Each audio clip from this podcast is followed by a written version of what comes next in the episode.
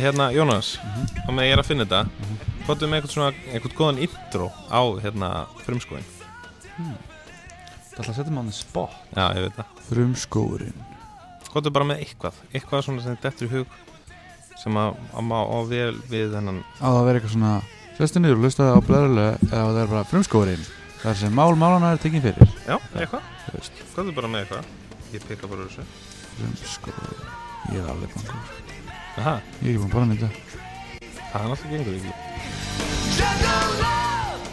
Herru, Jómi Ég hérna byrjaði á því að gera intro fyrir hennan þátt 1, 2 og Ég er ekkert að gera eitthvað intro hérna á staðinu 1, 2 og núna Það er ekki að fara að gerast Það ekki? Akkur ekki? Hvað er þetta sem Jónas þetta svara? Ok, hvernig myndir þú byrja hana þátt? eh, Þess að frumskóin Ég myndi lefa þér að byrja hana því þú ert hóstinn Já, en ef þú, ef ég er þér lasin Þá tökum hann upp setna Anskotin Já, herru, ok Hvað sér þau? Ég veit ekki hvað það sé bara því að þú veist, hún kemur það svo mikið svona Herru, Hvað fílar bara bassan í röddinni? Ég veit það ekki Þú veist, hann er það er bara svona. að heyra hann svo nálægt einhvern já veginn Þetta er alveg geggjað sko Prófaðu þú að tala núna, við erum í soundtjekki Halló? Já. Einn, tveis? Þarna ertu heldur góður sko Ok. Já, haltu bara á honum Ok Eru þið tilbúinir í þetta? Halló Nei. Halló Nei, eða ekki? Halló Nei, vitu eitthvað hvað við erum að fara að gera? Nei, það er nefnilega það sem er svo skemmtilegt við þetta Ætlar Þú að koma með eitthvað málefni Ætluðu þið ekki að koma með og hann ætlar síðan að spurja okkur út í eitthvað sem okkur langar að tala um. Ég ætla bara að byrja á Það er allir eitt sem ég langar að tala um Já, Eða, þú veist, væri kannski hugmynd að eitthvað til þess að tala um já, Ef, þú veist, hvar barþjónar byrja að læra já og hvernig og, hv- þú veist, og kannski vera með eitthvað hugmyndir að hvernig þið geta byrjaði að læra kannski á réttum enda Já, það er einmitt eitthvað sem ég er búin að hugsa í gær. Það er svo rosalega mikið af slæmum upplýsingum Á internet. á netinu. Samkvæmst að ferðina á, þú veist, Já, eitthvað matavefin hjá eitthvað íslenskri síðu eða Mm. eða googla bara, þú veist, hvernig á að gera þetta. já, Já, já, það er svona 90% að því er Crap vittlust. ok Já, bara veitlega það, ég myndi, já, bara illa gert eða. En eins og maður sér, þú veist, við erum náttúrulega með fullt af bókum hérna og við vitum svona svolítið hvert við erum að leita. Mhm. En, þú veist, fyrstu tvær bækarna sem ég, ég átti var, ok, eina, eina, eina til Salvatore Calabresi sem að ég sleysaðist einhvern veginn, já, að kaupa.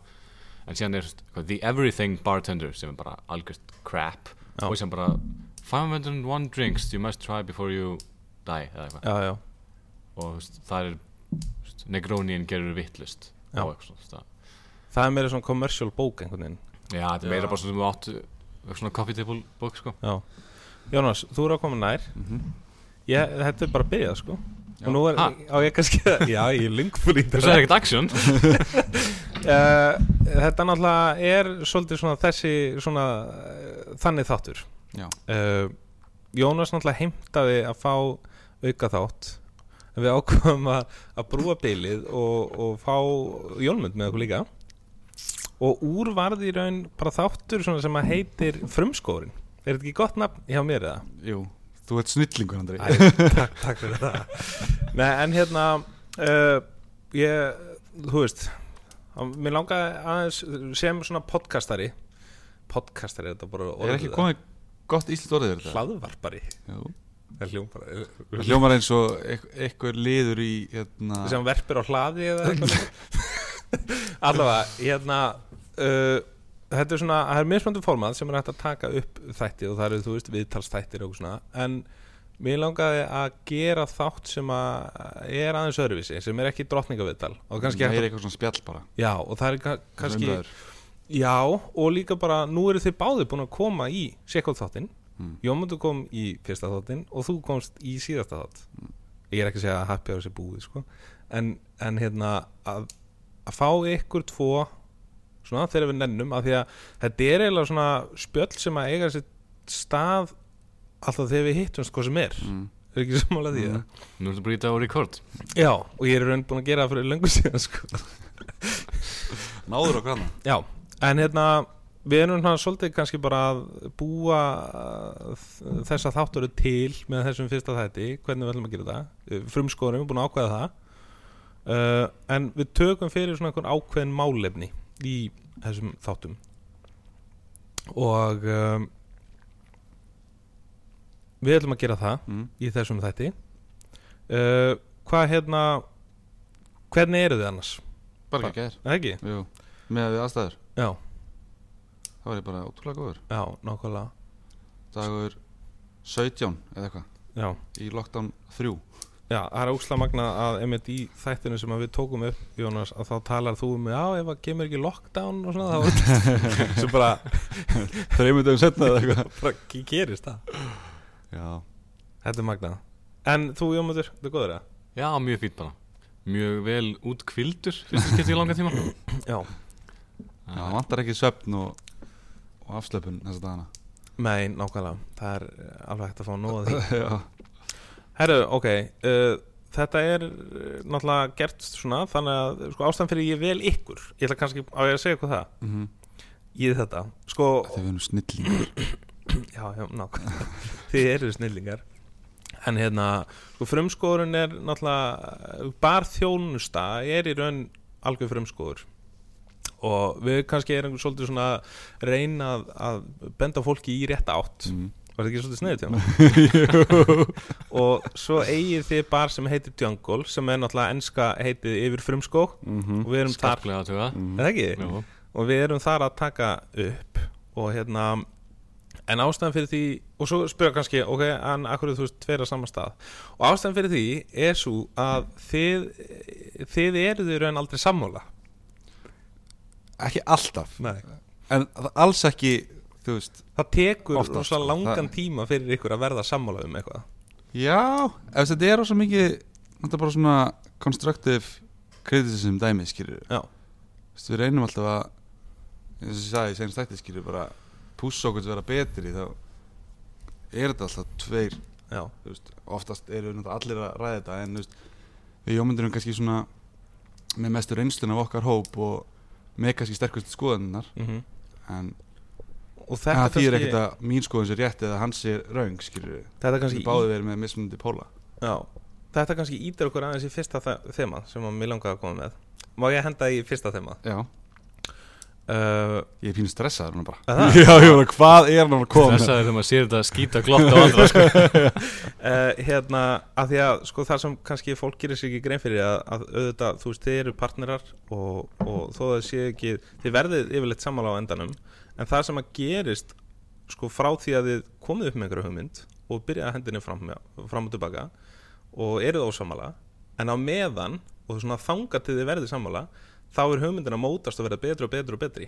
og fyrsta þema sem langar að tala um uh, ef við hugsaum um uh, sem sagt barþjóna, það er þessi samvinna Mm. það er sem sagt svona teimisvinna af því að við höfum alveg séð einræðisherra á Íslandi í, í barþjónustu, svona einhverju sem að leiðir bartímið og allt er gert bara eftir hans höfði og þessuna og þess áttar, en hversu Jómundur, byrjum við á þér teimisvinna í barþjónustu er hún ekki svolítið mikilvæg?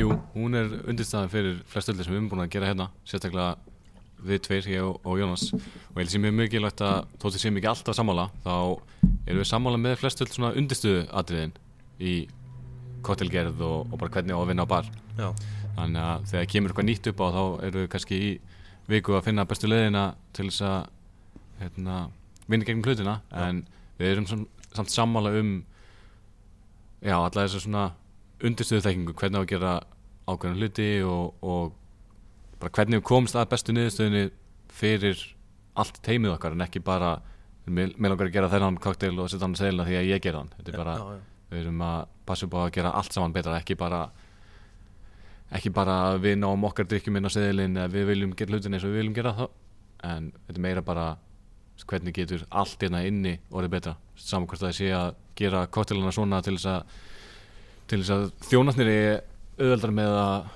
útskýra drikkina eða að taka service eða þú veist, að helst allt í hendur það er einhvern veginn þannig að allt sem við gefurum hefur áhrif á, á allt annað Mhm. og þannig að það er nú eina leiðin til þess að vera svona lengi í þessu er að bara reyna að komast að bestu niðurstöðunum til þess að allir geti unnið saman og, og þá náttúrulega koma þessar klísjur betur sjá augu en auga og allt þetta og svo um leiðis er það náttúrulega líka svolítið að involvera bara alla á staðnum þú veist, það vita í raun allir þá hvað er í gangi Já, þetta er náttúrulega, þú veist, eins og Jómundur var að tala um bara, þetta er, snýst rosa mikið um að allir séu, þú veist, vita hvað er í gangi Mhm. og reyna að gera hlutina sem besta, þá er það yfirleitt í því samingi að gera það sem auðveldasta fyrir okkur í executioni þegar kemur að service já, já, og náttúrulega rosa mikið að það sem við gerum er, þess að gerist baka tjöldin, skilur við já, veist, já. bara undirbúning, undirbúningur koktisel til dæmis er, þú veist, við erum með tíu drikja seðli og við eigðum tíu klukkutímum í það að hvernig getum við séð til þess að, að þessi seðill sé ótrúlega einfaldur í executioni þegar kemur að service skilur Mm -hmm. þú veist hvort maður sé að ég eði þreymur klukkutum aukalega annarkveð dag í prepherbygginu til þess að strákarnir þurfi að hella færi hráðunum inn á barnum þú veist, einfalda preppið þannig að, að þegar að kemur að eitthvað bombar í þennan drikk þá tekur það 30 sekundur í stæði fyrir einhóla mínútu, þú veist, bara þetta og, og þar leðandi kemst stjórnin fyrir með drikkin á borðið og þar leðandi kunnin Mm. sáttari og, og þar leðandi kaupir kunnin sér kannski annan drikk já, já. á hann að fer Já. Mm. og þannig að þetta komið hringin, skilur þú veist, þú veist, þegar hvernig snertir alla all, eh, þú veist, ja, eins og það var að segja á hann, skilur, við reynum að finna alltaf bestu leiðina til þess að gera þetta auðveldast, þægilegast best fyrir alla í, í service þannig að þú veist, staðurinn er þá í raun uh, sá sem að býr til drikkina, það er ekki einhver, endilega einhver, einhver Já. einn barþjótt þú veist, það er bara ég, ég held að sérstaklega ég og Jommi kannski, eins og búin að vera aðeins lengur í þessu lengur hættir að spá í einhverju kredit já, já, já. fyrir drikk einhver skilur. author Já, Já. æða ekki Þegar fólk spyr þú veist, hérna, gestir spyrja okkur Já. hérna, Búist þú til þess að drikja það? Það bara, bara við unnum að þessu seðilega allir saman Já, skilur, já. þú veist og, og mér finnst það skipta fóða litlu máli hver hannaði hvaða drikk sérstaklega eins og stað eins og okkar sem við erum alltaf að reyna að halda öllu fersku og reynum, að, reynum alltaf að gera eitthvað nýtt og erum alltaf að pússa svolítið hvað við getum gert og, Já. og, og, svona að þá er drikkurinn ekkert lengi á seðli þessi að núna erum við, ekki- núna erum við að detti í ár frá því að staðin opnaði og það er engin drikkur búin að vera á seðlum allan tíman Nei. Þú veist, það er núna mánuður síðan við ætlum að, að strauðum allan seðlinn en síðan fór upp í loktan hann fekk ekki að lifa lengi sko en, Já. en hann verður mest megna á hann þegar við opna aftur þannig að þessi, se- þessi drikkir lifa ekkert Nei. en þú veist, þetta drikkir sem við getum alltaf gripið í aftur ef, þú veist, ef eh, hann var mjög vinsæll eða eitthvað og viljum kannski vera með kompaksið eða eitthvað setna eða eitthvað Já. en þú veist, við erum ekkert eitthvað að posta á Instagram að þetta er drikkurinn þessi bjóð til og eitthvað lala, þetta er yfirleitt samvinnu, eh, samvinna skilur að Já. gera þessa drikki ég held að bara skipti voru litlu máli þú veist, hver bjóð til hvaða drikk og eitthvað svona Já. einhvern veginn það er bara ekkert relevant þegar kemur að upplifun gestins, Nei. þú veist en mjög margir sem að vilja samt fá þetta kredit og, og vilja vera sér stjórnu barþjónar sem að, að þeir halda þessu og hérna og halda þessu og það flottir og hafa gert þennan drikk og, og slýsast til að ná einhvernum sem að varð ógæslega vinsæll en hérna skiptir bara engum máli hver er að gera drikkin eins sem skiptir máli er að við, hérna, gesturinn okkar sé að skemmt sér vel já. ég ætla að koma með crazy myndlingingu er þetta eitthvað með tannlækna? Nei, þetta er nefnilega ekki með tannlækna Eh, Þið náttúrulega vita að ég er pínur og glöð þegar að kemur að myndlíkingum Þetta hefur að gera með hljómsveitir núna að því að sko þegar að marga hljómsveitir gefa út uh, plötu og þá eru mismunandi aðilar titlaðir fyrir lögunum Hmm. og oft hefur það komið hljómsveitum í klandur en það er ein hljómsveit sem er náttúrulega besta hljómsveit í heimi og hún heitir Ramstein ok, þeir eru alltaf allir skrifaðir fyrir öllum lögunum já, Það er Þið eru- grjóthart. þið eru- Já, það er grjótart Þið eru svolítið að fara ramstænleðina já það er skellett aldrei verið mikill rannstæðin maður sko Er það ekki? nei Nei En það er náttúrulega uh, þvílíkt hrós sko mm. að þetta er náttúrulega bara besta band í heimi sko já, er það málið? Já, mér finnst það Já. Sem ekki þarf að- sem ekki þarf að ræða tónlistasmekkin minn heldur Jommi, nei, ég veit það Jommi er náttúrulega mikill Ramstein maður, sko Já, það passar Mjög mikill, búin að hlusta á lengi og fara tvisar á tónleika og, og þetta er alveg geggja band sko Er Það ekki? Er þetta ekki sammálega þessari myndlíkingu? Jú, alltaf ekki, það er kannski ekki leiðum að líkjast en, hérna. en já, það, það er mjög mikilvægt að einmitt líka involvera hérna strákana sem, er- sem eru hjá okkur og, hérna, og ef þú ert að vinna bara, sérst, hvernig getur involverað involvera allt teimið Já að hérna, eins og ég mann þegar ég var að byrja bara þunna þá var ég með fullt af skoðunum sem að mér fannst vera alveg frábærar og ég geti gert hérna og þessa hluti betur heldur en var verið að gera á staðnum sem ég var, var að vinna á en ég einhvern veginn hafði ekki hérna, svona confidence í því að, að koma þessu komum á framfæri af því að það var engin að, að spurja mig og, Engin og að questiona það Nei, nákvæmlega Mhm. Þá vildi ég kannski ekki vera eini gæn sem er eitthvað Heyrðu, afsækið, hérna, getur við ekki gert þetta svona? Mhm. En eins og sagðir, betur sjá augu en auga og hérna og það er mikilvægt að fá álítið hjá ö- öllu teiminu hvernig við getum gert hlutina betur Já Og jafnvel líka bara, þú veist og svona ótrúlegustu stöðugildi geta að gefa manni einhvern nýjan vinkil, sko Þú veist, bara þess að uppvaskarinn Já, Æ, fattu ég hvað að meina? Mm. það er alveg rétt Ég er búin að vinna á veitikastað og, hérna, og var búin að vinna sem þjóttn og tók eitthvað vægt í upphaskinu og ég er búin að vera fúturenner og, Já, og taka móti fólki í hurðinni og allt saman og það gefur þeir miklu betri sín í hvernig allur staðurinn virkar mhm, en ekki bara sjónaðunni þitt af cocktail stationinu já Já, ég hef oft talað um það bara hvað uppvaskar er auðvitað bara að mikilvægast að það kemur veitingastæð sko. Já, Ég myndi að veitingastæð myndi þurfa að eiga 500 diska mhm, þú veist, en nei, þið komast upp með að vera með 80 skilur, Já, þú já, veist, það er já. bara rosalegt sko. en að, eins og ég sagði senast ég, ég vann upp á, flug, á flugvelli emið, já í reistóri yðnar heldur sig Já. eitt gæði uppaskinni og það voru, þú veist, 80 manns að búa til mat og samlokur og drasl og hann var einn í uppaskinni Já. og það var bara, því ég horfði á hann mann vinna og ég bara, þessi gæði er hetja sko. Þú veist bara, hvernig fara menn að þessu Já, en þú veist, þetta er svo ógeðslega mikilvægt en, en það er ógeðslega algengt held ég í mjög mörgum geirum líklegast en það er alltaf eitthvað svona, eitthvað svona hierarchy það er eitthvað, það er eitthvað stíi þú veist, ja, þetta er bara uppaskari já, já ég er yfirkokkur eða Já. eitthvað skýrðu og ég held að það sé ógeðslega sorglegt og þú veist, bara svona niður drefandi kannski fyrir, fyrir marga sko Algjörlega en ég held að það myndi, það myndi ekkert ganga eða það er ekki allir að sinna sínu Nei, Veist, og ég held að það sé ógstlega mikilvægt að hugsa og, og en að punkturinn minn er þú veist, þegar við erum einnig á jungle það er engin uppaskari Mhm. við vöskum allt upp líka Já. Þú veist, við erum að barþjóna, að þjóna að uppaska, Þú veist, við gerum allt saman en það er ekki eitthvað svona það er ekki eitthvað stíi, skilur nei, nei, nei. það er engin stað mikilvægur en annað, þetta er allt drasl það er að gera Það er bara one team, one dream Já, alltaf ekki. Mér, maður magnaðast að dæmi svo minn dettur mér í hug bara eh, eitt besta dæmi er kannski bara meðan Ali Já. uh, uppskannar á Nóma það er ógeðslega fallið saga já. það er mjög mag- magna hann er í dag einna eigandur Nóma Já. einn stærsti flott veitingstæður í heiminum já. það er mjög, mjög cool Já. sagði mitt Instagram postum daginn bara það sem að ræða þeim hann bara hann að þá segir Rene sjálfur sko Já. yfir kokkurinn og eigandinn bara það er nánast 100% líkur að þegar þú kemur á nóma að þessi maður mun taka á mótið þér hann mun sörfa þér rétt og hann mun þvíða diskiðin Já. og hann mun gera það brosandi það er magnað sko Já. það er mjög cool og maðurinn er 62 ári í dag eða eitthvað sko. já, já.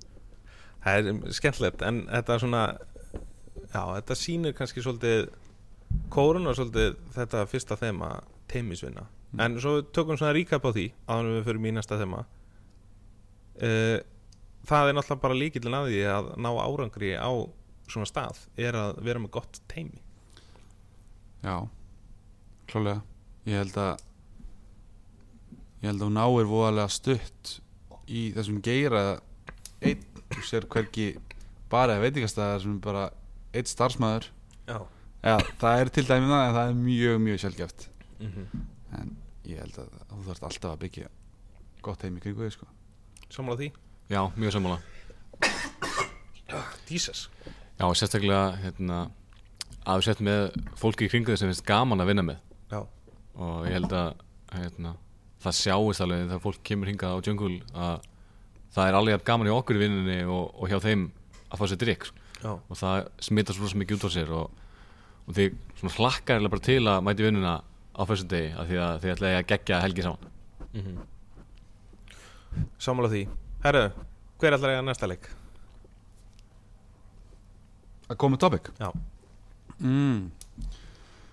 Mm. Og við náttúrulega á meðan þú ert að hugsa á hvetju og til þess að byggja upp teimi sitt Já, það, en það var ekki þú, þú segði þetta hérna, með fólk að hlusta hérna það var ekki gaman einmitt ef, ef þetta verður eitthvað eitthvað svona ongoing eitthvað spjallum um að halda áfram að vera megaskeinu sinni í mánuði eða Mm. mm. eða eitthvað sem það er að, að fólk myndi senda inn topics sem okkar hlusta á og fá Algjörlega svona okkar hugmyndir að- að því Algjörlega það er mjög gaman en já, hérna, eitt sem við vorum bara að ræða bara rétt á hann þú komst hérna, hvaða hérna, hvað er algengt í íslenska íslensku kóktamenningunni að barþjónum sé að byrja svolítið ég kannski sé á vittlisum stað en svona, finnst mér allavega að byrja á vittlisum enda í þessum lögin, sko, Já. þeir eru svolítið að dempa sér beint í djúbulögina aðeins en að þeir læra að senda, sko mm -hmm. og hérna og það sem ég er að tala með veist, menn eru oft farnir í að gera crazy infusions og nota hráöfni, skrítin hráöfni og allt svona að hann læra kannski svolítið undurstöðu atriðin að, að, að hérna bara kóktilega gerð og, og læra klassísku drikkina og allt þetta Já og hérna og ég held að það setur svolítið svona bara þeim á skrítin stað þú veist, hvernig þeir eru að byggja upp drikkina sína eða hvernig þeir eru að sörfa þeim eða hvað sem það er og ég held að það sé ókslega mikilvægt að byrja bara á byrjuninni mm -hmm.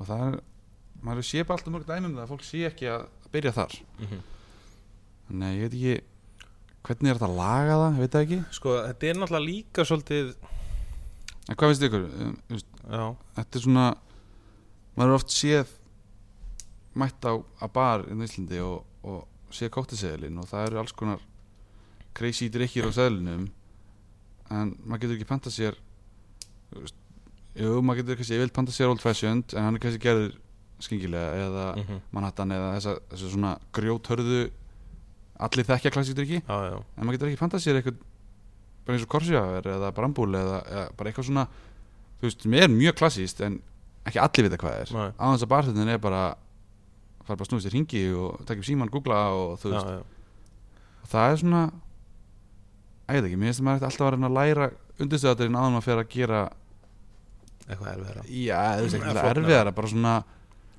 að ég veit ekki heldur það hafi alltaf með eitthvað svona pínu sjóaf að gera og eitthvað svona, Og vera öðruvísi og Já. eitthvað svona.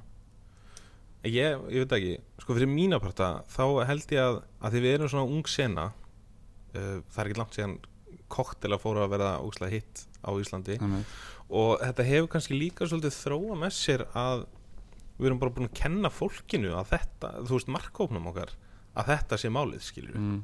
þú veist, þeim er svona meira crazy og, og eitthvað svona og við höfum kannski ekki kent fólkinu nú mikið á einmitt þessa klassísku drikki Mm -hmm.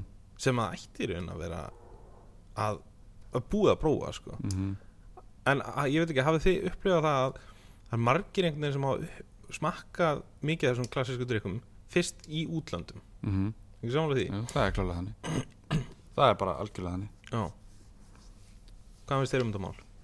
Ég held þessi rosa mikið að þegar nýjir barþjónar eru að byrja þá sækja þeir um á einhverju veitingastæðinni með bæ og, og þeir eru kannski með sinn eigin kottelsegil Já, og þeir þurfa náttúrulega að læra þá drikki fyrst en það er svona aðalega sem er að, að mókast út af þessum börum en það ætti þá að vera á, svona, á ábyrð yfirbarþjónsins eða hvað þeir vilja kalla sig að kenna þessum nýju barþjónum já, kunnandurinn og maður svona vonast til þess að, að þeir kunni sjálfur undirstöðatriðin en það er mjög skrítið að þú getur farið á einhvern hérna barinn þar neyri miðbæi og fengið koktel með einhverju sveppa sírópi eða eitthvað en þú getur ekki einu sinni fengið almennilega margarítu já En hérna, Það sé ég en já, mér finnst það að það sé svolítið á á þeim sem er að kenna þessum nýju barþjónum af því að þeir náttúrulega veit ekki betur heldur en bara að læra af þeim sem er að búa til koktelseðilin Mhm. og þeim finnst kannski mest spennandi að vera að búa til þessa nýju drikki og, og, hérna, og nýju crazy syrup og infusions eins og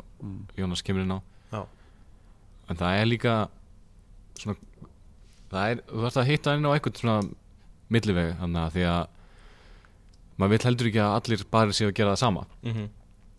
og saman hvort það séu klassiki drikkir eða það séu jarðabæri mojito á öllum börum hérna miðbænum en eins og við tökum dæmið hérna skál Já. Bjartur hann er frábær barþjóð að barþjóðna þar og nú bý ég í Vesturbænum en ég labbaði samt í 20 mínútur eða 25 mínútur upp á hlem til þess að fá mig drikk þar í staðin fyrir að labba hérna bara niður í miðbæði á yngustorg og, Já. og fá mig drikk þar en það er því ég vil sjá hvað hann er að gera Mhm. en ég veit að hann getur gert alla klassir gottilega sem að ég get ég mynda mér sko Mhm.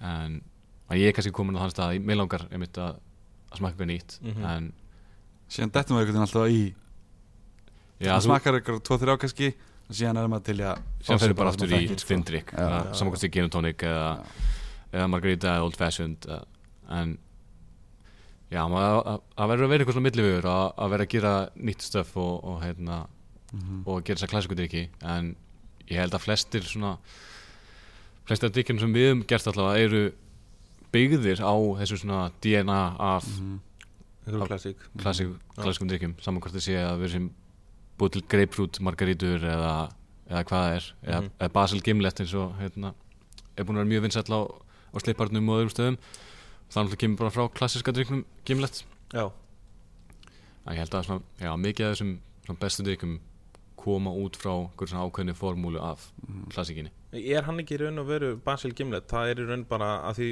það var náttúrulega Basil Smass búin til í Þýskalandi, Mhm. er þetta ekki bara í raun afkvæmi þeirra tvekja? Ég ennlega veit ekki alveg sko Ég veit ekki nákvæmlega söguna bak við Basil Gimlet og en, en jú, Basil Smass er náttúrulega frá Jörg Já, í einmitt Munich og Hann það er náttúrulega svona- nánast sama uppskrift nema hann nota törut meira geni sko Já, og hann er náttúrulega með hann í Sem- hæból Nei, ég held að þetta er rocks Já, Já, ég held að Já. En ekki að skipta ykkur máli, en þetta er Nei. náttúrulega sami drikkur Eða nánast sami drikkur En hérna, en já, það er einmitt það sem ég var hérna, að reyna að koma inn á aðan með Það er ekki það að maður vilji ekki fara að smakka nýja drikki nei það er bara það að þegar fólk byrjar að byggja upp sína eigin drikki að, mm að vera með einhverja einmitt eitthvað DNA, eitthvað formúlu til þess að fylgja Þekkja DNA-ið, já, svolítið, veist, vita af hverju þessi klassíku drikki virka já til þess að vera með vitneskina til þess að búa til góða Algjörlega. nýja drikki Algjörlega, að- og líka bara að sko, það opnar í raun miklu meiri möguleika sko. mm. að því þá getur byggt þú veist, þitt nýja stöf Mhm. á svo miklu fleiri variantum af, Mhm. af, hérna, af, af undurstöðu koktelum sko. um, en ég, nú ætla ég að sjá það aðeins, af því að þið eru aðeins búin að, að koma inn á þetta hérna á Djöngul og, og vera með uh, hvað, þið vildu einhverju einn dag í viku sem þið gerir bara svona klassiska já, þriðdagar Já, það er náttúrulega ógslag sniðut fyrir fólk Já. að- að að mæta og, og, og prófa og svo er líka eitt sko sem að við erum kannski að því að ef við förum kannski í það á eftir með næsta tópiki en það er náttúrulega já, förum í það á eftir uh, en hva, hvernig getum við bætt þetta þú veist, þurfum við ekki að láta barþjóna fjárfesta þurfum ekki barþjóna fjárfesta eins meira í þekkingu á klassíkinni bara jú, ég held að ég held að sé allt bara spurningum hvar þú sækir þér vitneski sko já, þú veist það eru til miljón Instagram akkántar og bloggsíður og Mhm. alls konar svona sem eru að deila koktelefni og langmestaði er einmitt svona eitthvað crazy, eitthvað nýtt, eitthvað skrítið þú veist, mm Mhm. -hmm. og það er allt gott að blessa upp að fá eitthvað inspiration upp og gera eitthvað nýja hluti og allt það Mhm. en þess að læra þessa klassíku klassísku það verður bara að sækist í bækurnar held ég já, ég held að sé voða lítið annað þannig að ég held að, að það sé það er allavega þannig sem ég og ójámyndur mm -hmm. byrjuðum Þú veist, ég kom svolítið inn á þetta í, í podcastinu en, þú veist, þegar þú ert ekki að læra neitt dagsta, daglega í vinnunni Já. að reyna að sækja þér í eitthvað eitthvað vitneski og, og það er svo ótrúlega öðvelt Mhm, í nútímanum um að panta sér bækur að erlendis Mhm. það er góna eftir törri ykkur eða eitthvað já, já, og það er svo ótrúlega mikið magn af bókum til í dag já, bara ótrúlegt magn þannig að það er einhvern veginn ekkert að stoppa þig nema eitthvað fimm úr skall mm -hmm. getur þetta að byrja Já. þannig að þetta er ég held að það sé klálega máli sko. Mhm. þessar, þessar barbækur sækist þið þær og það er svo algengt sérstaklega í þessum gömlu þú veist, aðeins eldri bókum Já. og frá þessum risastórunöfnum að tala um bara virkilega basic hlutina eins og til dæmis bæ- bókin sem við Jómundur látum flesta nýja barðunum fá eftir Jeffy Morgenthaler já, og hann er rosa þekktu fyrir það að vera með no BS, það er bara ekkert kjæft þegar kemur hans drikjar uh, sköpun og, og, og svona kennaðurum barðunum að þar tala hann rosa mikið einmitt bara um bara grunnatriðin Þú veist, í þessar bók finnur bara af hverju þú hristir svona já, já og af hverju þú hristir svona lengi og, og hvað klakinn gerir og af hverju djúsum læmi okkur hverjum einast degi Mhm. þú veist, allt þetta En það er- Undurstöðu atriðin bara algjörlega Já, og á meðan það eru aðra bækur sem eru kannski að kenna þér að nota Suvi eða, eða Rotovapp eða hvað sem það er Já, já, já, þá sé ég kannski ekki komið þangað í Íslandi nei að nota Rotovapp eða eitthvað svoleiðis en en þetta er bara snýst bara allt um hvar þú vilt byrja og þú veist og reyna að finna réttu bækurnar í það sko. Já, við kann, hérna það er náttúrulega svo rosa mikið af bara mikið magna af bókum sem þú getur pantað þér á Amazon og, og það eru kannski miskoðar en það er rétt að það finnur miklu meira af svona, góðum upplýsingum í bókum heldur en á Instagram og, og einhverjum svona bloggsíðum að hérna að þú kannski hendir í einhvern post á síðunniðinni mæla með bókum hvaða já, hvaða bók, bækur á fólk að sækjast í sérstaklega einmitt fyrir svona grunninn st- til þess að skilja af hverju hérna, ákveðinu hvað til að virka og, og hvað þú þarftir að gera áðun og byrjar að mixa drikkin eins og að djúsa daglega og, og af hverju hristir svona og hvernig seikar það átt að nota og, algjörlega Við hendum mér slúðis post inn á Mm. ég hef meitt búin værsmann.is að leggja upp þannig post þegar Instagram mitt Já, en hérna, að byrja að tala um bara bækur það er mjög, mjög sniðut Mm. Gerum meina svona umfjöllun uh, Mér langar samt að spyrja Hafið þið séð þetta app hérna sem heitir Martins New and Improved Index of Cocktails and Mixed Drinks Jesus! Það er náttúrulega sturlaður titill En þetta er svolítið sniðut er það skamstuðin fyrir eitthvað? ég, ég veit það ekki sko. en þetta er samt svona sniðut sko, af því að þetta er einhverjir snildar gæjar sko, sem að fóru og settu inn ef við tökum bara hérna Negroni náttúrulega fólk er ekki að sjá þetta en eða næri þetta app þá getur það að segja en þú veist bara eins og Negroni að þá er hægt að fylgja eftir tímaröðinni hvenær hann byrtist fyrst og hvar hann þróast og til dæmis byrja, þetta er bara frá og heimildin er undir sko byrtist fyrst í Modern American Drinks Merriam Company 1895 þá sem Dun Dorado koktel Old Tom Red Vermouth og Tudasis Kali Saya sem er eitthvað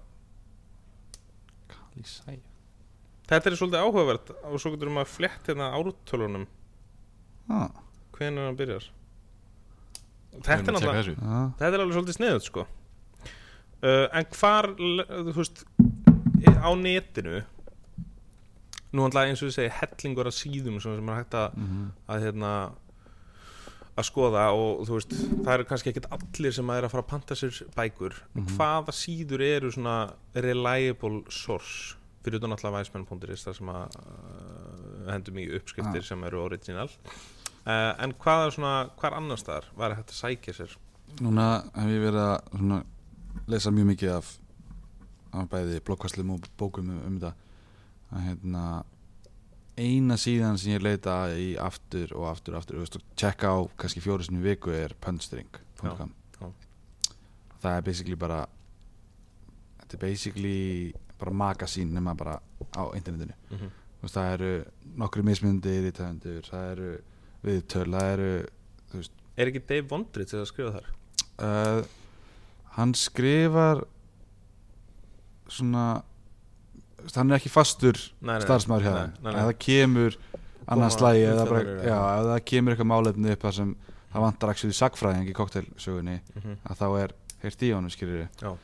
en hérna það er fullt af flottum uh, hérna uh, reytöndum eða hérna blokkurum hjá þeim en það sem er svona skemmtilegast við hjá þeim er að þetta eru alls konar Mhm. málefni þetta er ekki bara koktelar, það er líka að tala um vín og nýju bjórna og alls konar stíla og hitt og þetta og, og svona mismyndi serjur af skemmtilegum svona Mhm.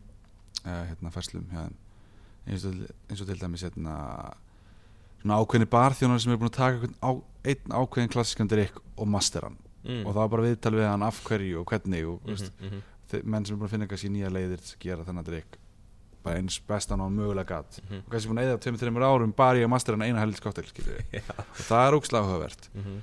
eða eins og önnur hérna, líka varandi klassika drikki að þá senda þau fyrirspurnir á kannski 30 rosalega flotta barþjóna í bandaríkjanum eða á heimsvísu og fá uppskrift frá þeim að þessum klassika drikk eins og Mhm. þau gera hann og sem blind smakka þau kannski þess 30 drikki og velja hvað er besta leiðin til að gera hann drikk Mm, Það er svolítið cool Já, þannig að það er alls konar svona skemmtilegt efni þarna og allt rosalega rílægabúl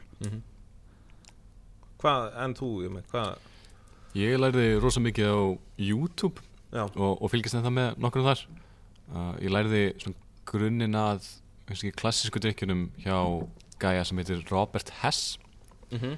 hérna, legend in the game Já, hann er hann hefur aldrei verið barþjóðn en hann er svona cocktail historian Já. og einhver, einhvers konar cocktail sagfræðingur og, Mhm. hérna, og hann er hann tekur alltaf fyrir einn cocktail í hverjum þætti og útskýrir eitthvað svona aðeins meira svona af hverju við erum að gera hlutina svona það er aðeins og, meira in já, depth í þessu já. og tekur þá kannski svona eitt málefni fyrir í, í hverjum cocktail já, já og annars svona go to hjá mér núna er hérna, The Educated Barfly Já, á, á YouTube sem að mæli með að fólk tjekka á en, en hann er ekki mikið í klassísku drikkjum lengur en hann er meira að taka svona modern classics og, og kottilega eftir bara þjóna í bandaríkjunum og bara sína hvernig þeir eru gerðir og, og segja frá humdunum á bakveða Mm. og mér finnst það alveg mjög skemmtilegt ég les ekki alveg jafn mikið og, og ég gerði ekki jafn mikið og, og Jónas en ég er meira á YouTube að skoða vídjóin já En er það þó ekki hægt að skrolla eitthvað niður og finna eitthvað gamalt efni frá þessum gæja?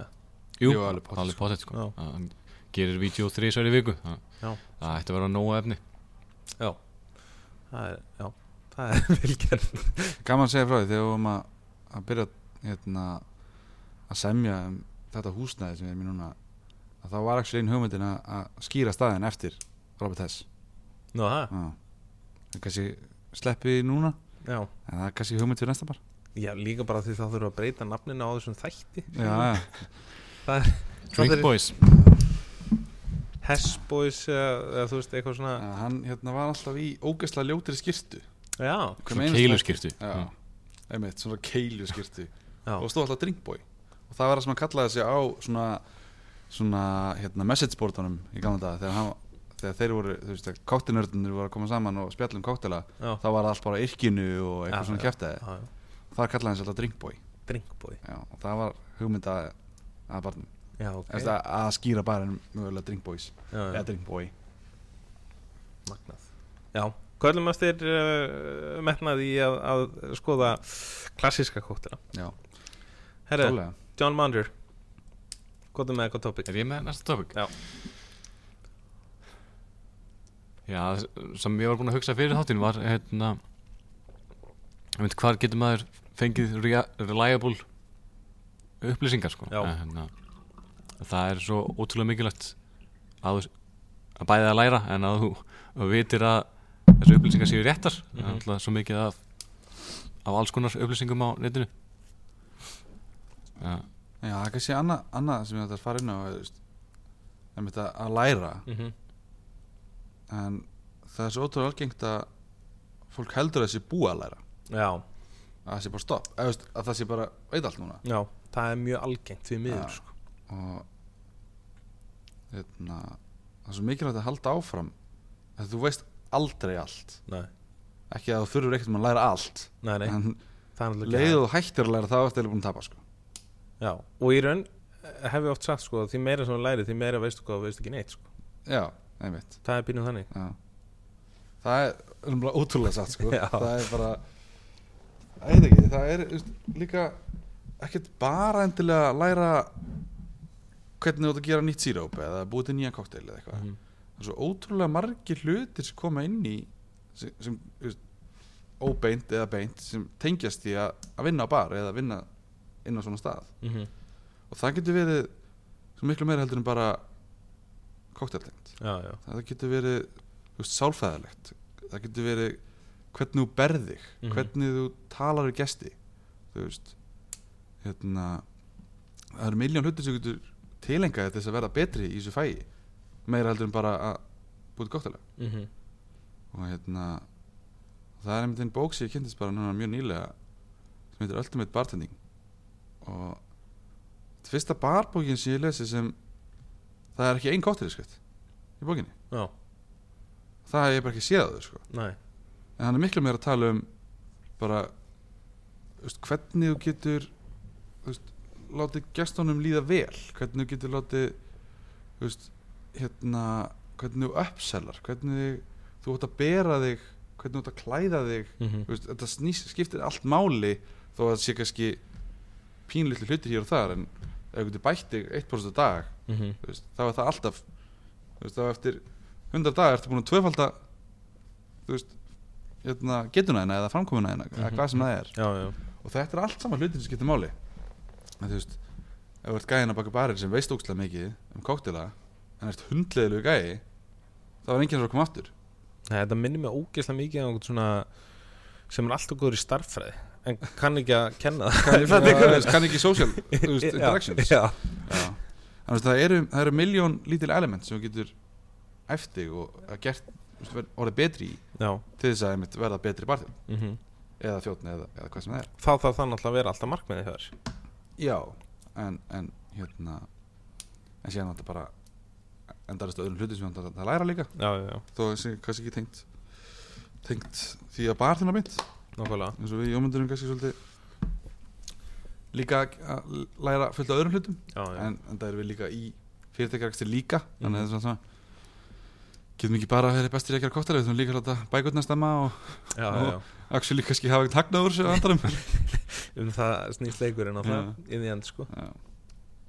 Já, ég held að það sé mikilvægt að alltaf halda áfram að læra saman hvað það er Já, mjög mikilvægt að, að læra einmitt um annað heldur en bara að gera kokteila eins og þegar ég og Jónas fórum út til Berlín og hérna Berlín barkonvent Já, alls konar fyrirlestrar eftir alveg fárlega flott fólk úr gerunum Ah. Bara grúa af risastórnum Já, og enginn af þeim að kenna að gera kokteila en það er alls konar fyrirlestrar sa- bara saman hvort það sé hvernig þú átt að sjá betur um líkamæðin á meðan þú vinnur á barnum Veistu, hvernig þú átt að hrista til þess að axlirna þér hérna, höndliða já, og hvernig þú átt að standa og hvernig þú getur hérna, svona minkað álæðið að mjóbakina þér eh, yfir því hvernig þú vinnur á barnum og, Mhm. og allt frá því yfir í bara hvernig þú átt að taka mútið gestum já, hvernig, hvernig lætur þú gestum líða eins og hann sé einstakur já, einmitt Þinn, hún nefndi þetta einhvern tímann varandi það er einhver gæi búin að sérhæfa sig í því hvernig þú átt að beita, er það ekki? En þetta er kona þetta, hún er hún er einhver, einhver læknir Já. og jóka eitthvað eða eitthvað Já, já, já, og voru bara rosa mikið að barþjónum að koma til hennar út af alls konar bara vandamál með, Og- bara rústaða líka mann sko. já, ok. þannig að hún byrjar svolítið svona að kafa meira í þá bara þennan nýs geira já, já, þú veist, ótrúlega nýs að vera læknir eða eitthvað sem sérhafið sig að ja, sérhafið sig fyrirlestarna sína Já. að barþjónum já, og beitingu líkamanns Það er alveg magna, þetta er rauglega einn þurrast og leðilegst fyrir sem ég farið á já, en maður tók alveg fullt af punktum bara svona andlega þó maður var Já, kannski já, fara já, að taka þessi æfingar næri sér já, eða þó maður hefði kannski átt að gera það Mhm. en bara þú veist þetta mindset að hugsa betur um líkamann sinn já, já, já. þegar maður kemur að því ef alltaf að endast eitthvað Algjörlega, þetta er hugsaðan ekki markaði fyrir einhvern að gera þetta hérna heima en, Nei, nei Já, Já, ég er sammála því já og mér finnst það að hugsa um það tilbaka þegar ma- vorum að fara á þessu fyrirlestra við varum erum búin að fara tveisinsunum á, á hérna, þetta convention í, í Berlín og hérna, jú, þú fórst með mér fyrst eða ekki Jú, jú, jú. Hún veist. og fyrsta árið þá bara hann vissi ekkert hvað þetta var og bara þú veist, fyrst- farið fyrir skipti og þegar maður mætti, maður var bara overwhelmed, bara hvað þetta er ógeðslega stórt fyrirbæri Já, þannig að við mætum hann bara og erum bara hlaupandi í ringi í tvo dagir röð, átta klukkutum á dag bara að smakka allt og bara sjá allt og bara, já, já, þú veist við erum bara frekar fullir bara á því að vera hana og vorum alltaf að labba fram hjá okkur fyrirlestum og bara, þú veist, veistum ekki alveg hvað væri í gangi mm. þannig að þegar við fórum annað árið að þá vorum við búin að gera research að hann færum sko. Mm þannig að við vorum bara búin að læna upp átta tíma daga já. þá var það þrýr dagar, er það ekki? Jú, það er fyrst skilt sem voru þrýðar Já, og bara 8 tímar á dag þar sem við vorum bara að þræða fyrirlestra já, já. og það var kannski korter inn á milli hvers fyrirlestur og stundum bara ekki einu sinni korter, bara nokkra mínundir sem við þurfum bara að laupa á milli, milli sala já, já. og stundum þurftu að missa af seinustu tímyndum þarna Já, til þess að ná byrjun hérna, einhverju öðru, byrjun á okkur öðru og það var alveg ótrúlegt magna af vitneskju og, og bara svona inspirationi Já, bara, já. þú veist hvað er gott orð fyrir inspiration? Uh, Uh, inspiration uh, Æ, þurftur endilega að koma með þetta Nú mann ég ekkert Inspiration uh, Æ, við köttum þetta út sko. Ah, Þetta er ógislega vandræðalegt. uh, á- á- hvar- Hvaðan þú tekur uh, áhrif, áhrif. áhrif, já Hvaðan þú færir svona áhrif Eða uppljóstrun Áhrif það er meira influence Já Takk fyrir að eðilegja þennan fyrsta Þetta fyrir um skoðinu inspiration það Inspiration er eitthvað íslensk orð Já, það er eitthvað flott íslenskt orð hérna, Og þú sem þetta hlusta á þetta núna, ekki hérna dæm okkur. hversu, hvað þarf það? innblástur Innblástur, allavega. innblástur, takk fyrir. Þú varst örgulega búin að fatta þetta, er það ekki? Ég er að tala við það, annars er Það hlustar. hlusta. Já, ok. já, það var ótrúlegt ótrúlega hérna, Að fá hennan innblástur. já, neða, bara ótrúlega gaman að- að fara þarna og ég, veit, ég var ekki búin, eins og búin að fatta það fyrir njómundi sagði það bara áðan allir þessi fyrirlestur sem fórum á, það, er all, það, veist, það var ekki ein kokteluppskrift, það var engin að kenna okkur að búin koktel, Maður, það var allt saman bara umgjörðin. hvernig þú ert að sjá um teimið þitt hvernig þú ert að stilla upp þú veist, það var mér sem var fyrirlistu bara um bara sjá um Instagramið þitt skýrðu, Já, já. bara þú veist, Cocktails for You strákarnir voru með fyrirlestur og Já, já. Hérna, Beautiful Booze stelpana með fyrirlestur og bara endalaust allt bara eitthvað sem snertir Já, þú veist, en ekkert sem snertir einmitt koktelina sjálfa í miðin nei, nei, nei. það er Einn svona, eitt fyrirlestur sem var um hérna, hvernig þú skrifar upp koktelseðilin mm, Já, og hérna mann ég hvort að við strákur af skátt það var allavega inn einhvers staðar í, Mm. í London og þeir hérna, þetta er gott topic, koktelsælar. ja, hérna þeir skrifuðu upp seðil sem þannig að þeir eru ekki með hráefnin í drikkjunum Mm.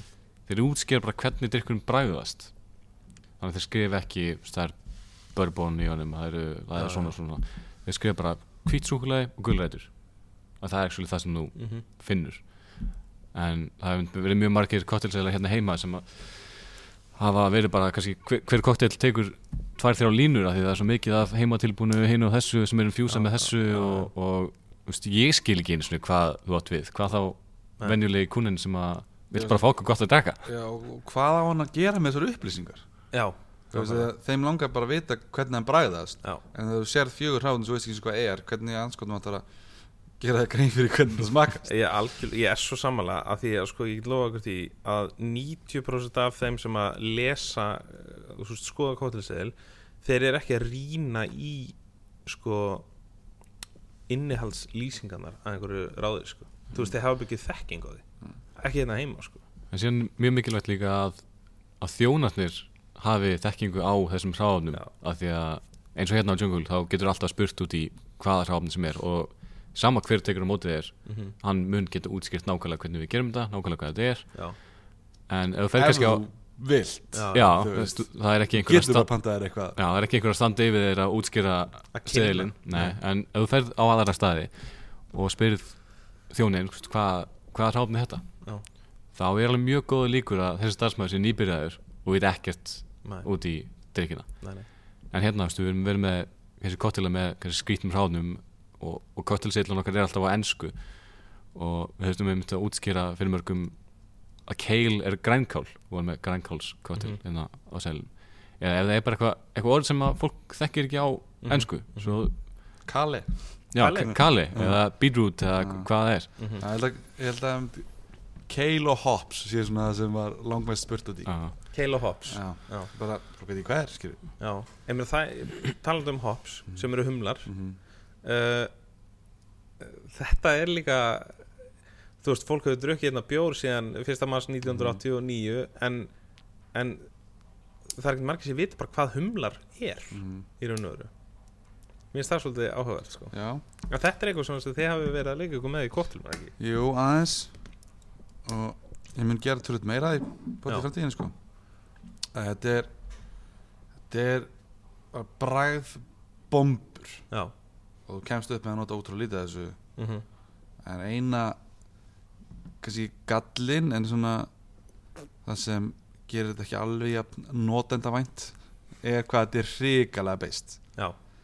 en þú getur þetta bara eins og í flestum bjórum skilur, getur alltaf tamið svolítið beiskjuna með, með eitthvað öðru mhm En hérna, Já, þetta er Spennandi. náttúrulega, í- í- svo fólk gerir sér grein fyrir þá er þetta sem sagt úr jurtaríkinu Mm. og svo bara googlið þið. en já, hérna varandi sáöfnin sem hún tala um áðan Já. þá hef ég actually lent í því einu sinni á Íslandi þar sem ég kem á bar kannski ekki þannig að nefna upp en þá var svo drikkur á seðlinum og ég þurfti að spyrja hvað sáöfnin þetta er Mm En ég man ekki, hvern, þetta var eitthvað svona hærri drikkur þetta var eitthvað svona spiritfóra drikkur og það stóð eitthvað, eitthvað spýri og lalala og sem stóð bara americano og mér fannst þetta svo confusing en ég spurði hérna, þjóninn Mhm. -hmm. hvað hva er þetta americano og hún fer eitthvað aðeins tilbaka og sem kemur aftur já, þetta er bara kaffið upp á allt kaffi Öst, americano kaffi Mm. og mér fannst það svo skrítið að það væri það var tequila og eitthvað og Mhm. síðan bara americano þegar ég vildi kóktelum nota espresso eða Já, já, já. þú veist eða æriskoffi upp á allt kaffi Mm -hmm. mjög sjaldan sem þú sér americano kóktelin í Út í kok- kokteil. nei, nei, americano kaffið í kóktel skilur Já, og hvað þá amerikanum kortilin Já, já, Já, En þá kem, kemst, í ljós, kemst í ljós að að þetta er kokki americano sem styrta vínið já, ok og þjóðnin hafði bara ekki hugmynd og sé, sé bara americano og bara, já, þetta er kaffi skilur við og ég var að, já, ok Þú veist, þannig að þetta er það það þarf eins og yfirleitt ef við notum kokki americano Mhm. eða eitthvað annað, þá skrifum við bara fortified wine Já, þetta er bara styrt vín Já. fólk veit hvað vín er Já. þannig að þú veist, það er bara nóg já, já og ef þú ert koktinördi eða hefur áhuga og getur spurt hvaða vín er þetta mm og segjum við það bara, skilur Já, já, það er, svona, það er oft verið að flækja hlutina bara með það markmið að láta á hljóma flókna já Ætti, er nákvæmlega, þetta er þetta er mjög góða punktur Ættu við ekki frekar að vera að einfölda greið gesturum nefnilega mér finnst það alltaf Já, ég er bara algjörlega sammálaðir að því, að því að, já, ég fer allavega ekki út til að fá með drikki til þess að leysa eitthvað ráðgáttur sko. nei Ég, ég nei fer yfirleitt að njóta tíma með einhverjum sem við þykja væntum og við vil vera með sko. Já, erum við einmitt þetta sem þú segir að, að láta þetta hljóma eitthvað svakalega Eh, þú veist, er það ennþá þetta bara, er svona eins og að kalla sig mixologist já, já nákvæmlega pínu þannig, sko bara þess að flækja hlutina já, þá veit ég ekki hvað það er nei, nei, það er alveg rétt þetta, maður er bara barþjótt fyrst og nefn, sko já, þú veist, það er bara já, mixologist er náttúrulega, það hefur upp, upprænlega verið búið til einmitt út af þessu af því að þetta þurfti að vera eitthvað meira og, Mm. og stærra og flottara já, og já, flokkna þetta er náttúrulega eða, náttúrulega bartender er náttúrulega kannski svolítið vítt hugtak Já En em, þá finnst mér alltaf gaman að fara í alveg í grunn Skilur við Alltaf ef maður er eitthvað, ef er eitthvað tvísynd þá fyrir maður alveg í grunn Og þú veist bara, þú veist, ástæðan fyrir því að þetta er er náttúrulega bara því að þetta er einhver sem að tendar bar Mhm. skilur við, einhver sem að þjónar yfir barborð og ég meina til þess er leikurinn gerður sko, tótt og það er bara hvað sem okkur líkar að betra að vera já, og það er náttúrulega alltaf þessi klísja með að þú veist þetta snýst ekki um drikkina og, og eitthvað svona og það er bara rétt skilur innvíðan snýst þetta bara um það eru svo svo margir koktelnördar á Íslandi sko, Mhm. sérstaklega að, og þess þá heldur að, að hérna að hugsa betur þá um að þú sért barþjóð og þú eigir að þjóna og þú eigir að þú veist, láta fólki líða vel og þess að þar Mhm. er ekki sammála þessu? ég er sikkilega saman Já En þú Jómundur, Já, þú ert þetta er svolítið svona yfir. term Nei, tjá, Nei, þetta er svona term sem að eins og fólki finnst ekki nóg að kalla sig barþjón það eh, finnst þið- það er ekki alveg nóg flott Mhm. svo fólk vilja ekki að þú rugglist á því að þú setja búið til koktela eða, eða dæla bjór já Er þetta En- minnum átt að kenda það? Ætli það ekki en síðan eins og hérna ég fr- frétti frá vinnum mínum sem er veitingastjóri hérna niður í miðbæ að það kemur ykkur nýr barþjóð og mér finnst alltaf margir barþjónar vera mjög fullir af sjálfum sér og hérna Já. þetta er einhver gæði sem kallar sig alveg potting mixologist Já, ok. hérna, að, s- þjóðin byrðir hann bara heyrðu, hérna, getur þú stokkið með drikkin hérna á þetta borð og hann segir nei, ég tek ekki service já, einmitt Eins og- já, ég, ég bara þannig, ég tek ekki service ég, ég, ég bý bara til kottela já. en það er alltaf fáið sem gerir sér grein fyrir því að það einu skipt máli er að hlutin gangi upp og gesturinn skemmt sér vel og fá ekki dyrkisinn Já. ego þitt á ekkert að koma nálægt í að hvað að kalla þig sko Nei, algjörlega og ég, þú veist, ég ætla bara að vona að, að þessi vinuðin hafi sagt um að drulla sér út í í salnum ef, ef ég þekki hann rétt þá ein, það er ekki að hafa neinar áhyggjur á hann sko. Nei, nákvæmlega Ég hef lendi í þessu sjálfur sko Já, það, Ég man ekki Ég er nýbyrjaðar að barþjóna Og ég bara kunni ekki halda að bakka nei, Og veit ekki stöðan segir við mig Jónas sem að bara fara með hann að drikk sjálfur Og ég er bara Ég kann það ekki sko Og veit ekki stöðan misti sig yfir mig bara Bara drullaði yfir mig Hvað er fjandanum ertu að gera á bar Ef þú kannt ekki halda að bakka Ég er bara heyrðu, Fuck it Ég er bara fimm meðan að drikk Ég læri bara að halda að bakka og síðan þá hef ég bara, læ- kenndi ég bara sjálf með haldabakka þannig að þú veist, ég átti, þurfti eiginlega aldrei að fara með drikki út, út í sal nei en ég sagði bara bara fokk þessi hérna, veitingastjóri ég ætla bara að læra það, Já,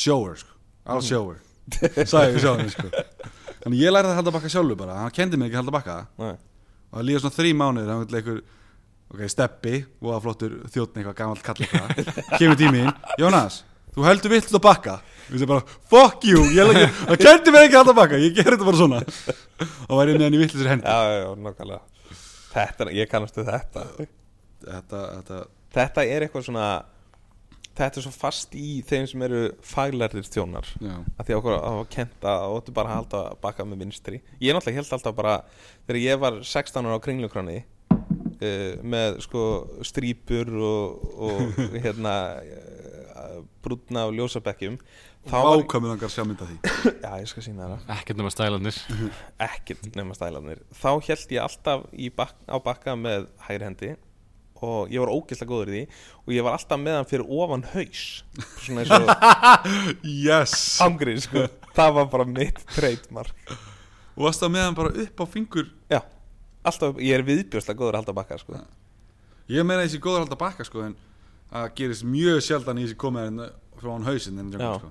En þetta var, og það var algjör bömmir að þurfa að fara neyra á Vox og byrja að læra og þá þurfti maður að halda bakka með vinstri hendi, það var hræðilegt sko. það var bara svolítið eins og að þurfa að læra að hjóla aftur sko. Já. En ég held ennþá á hann í hægri sko í dag, Já, þó ég sé rétt hendur sko. og ég meina það er engin bakkalögga, það er engin bakkabræður hérna sem koma og eru brjóðað sko.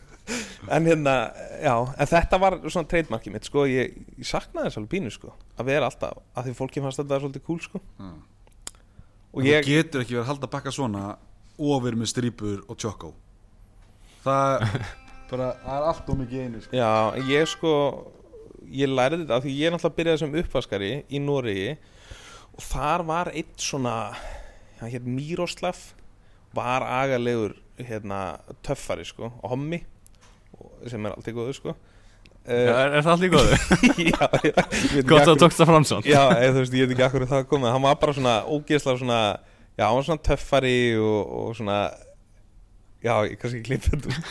Það skiptir ekki Allavega hann þetta- tannaði með strýpur Já, og ég er ekkert á móti homi fyrir, fyrir höfum það á hreinu En hérna, að þá, hann var alltaf með Hjælt alltaf á bakka svona fyrir ofan haus Og fólki fannst það svo geðvegt, sko Þannig að ég hugsa bara, já, Ég svona ætla ætla ég líka að gera þetta, sko Ég kunni sé bara fyrir mér einhvern þjón á spáni og útisæðinu sem þarf að ekki að tróða sér á milli borða þess vegna heldur hann á Já, bakkanum fyrir hausinn sko ekki þegar tvö borðinni og, Nei. og ekkert að frétta sko þess, þa- þannig held ég að þessi hábakka þjónar hafi orðið til, einmitt, sko Já, en það er alltaf einu fáið skil sem ég, ég gera hérna Það er bara þegar stað, staðurinn er bara smekk fullur og ég bara þarf að gera það Þú veist, Það er bara, ég, ég myndi ekki þetta í hugan sko. Ef að skýra þetta, þetta þátt bara bakkabræðir eh? Við erum bara að tala í tíu mínútur um bakka Það er svo drilljant Þetta er það sem fólk vil leira Ég held það Varst þú ekki með eitthvað topic? Þú ætlaðir að geima, þú ætlaðir að senda í þennum Eitthvað annað en bakka Já, þú sagðir tökum þetta eftir Já, hvað var það? Var það ekki eitthvað fyrir annan þátt og hérna koktelsæðlar? já, Það er svo getur svo sem alveg að tala nei, um hann var núna. fyrir það Var það fyrir það? hann var hann að ræða eitthvað Æ, nú- Já, hún segir já, kom betur inn á það topic og eftir. já. Hva- Hvað vorum við að tala um þá? Svein? við heyrðum það aldrei, þetta var bara allt í höstum þær Já, en hvað, þú veist, við vorum eitthvað að tala uh, eitthvað fyrst, sko Er það ekki það? það var eitthvað málefni, Já, fyrirstafni þegar þetta kemur upp sko já, Þetta er að fara að vera introið í þáttinn. er það ekki? Við erum að muna hvað við ætlaðum að segja. Ég veit ekkert hvernig ég ætla að klippa hann þátt, sko nei, ég man ekki hvað það var sem við vorum að tala um þegar þú sagði, varst, varst rosa hugsi Já, og varst bara nei, við tökum þetta eftir já, æ, hvenær er ég ekki hugsi samt, sko Skilur við já, Förum bara aftur að tala um bakka Nei, nei, uh, ég, ég man ekki það ég var, eitthvað, það var eitthvað sem allar að fara inn á Já, já, alveg pottið, sko uh, Ert þú búin með þitt topic? Já, það er búið að ræða þau fram og aftur, sko. Er það ekki? Bara inn í þessum hinum topicum. Já, nokkala Hvað hérna Já, nú erum við enn búin að taka þá eitt að mann er Það ekki Er Það ekki hvað Mm. Sko, ok Við náttúrulega Það er náttúrulega grúpa inn á Facebook sem heitir Happy Hour með The Wise Man og þessi þáttur verður þar inni bara þegar við nennum að gera hann Mm. uh, og ef ekki að hvetja fólk til þess að skrá sig þar inn og, og koma með eitthvað svona sem að einhver topic sem að þið vilja að heyra Það er eitthvað Q&A. já, Er það ekki Jú. mér finnst það mjög skemmtileg hugmynd sko já, hérna, þú veist, er eitthvað ákveðin málefni sem fólk langar að að setja ekki fyrir já, herru jú ég, ég ætla að koma með eitt topic hérna það eru þessi cocktail trend sem að ríða þú er hérna? rosa hrifin að að ræða koktetrend að, að, að, að, að sleppa því það nei, En finnst þér, er, er það ekki eitthvað aðeins að ræða?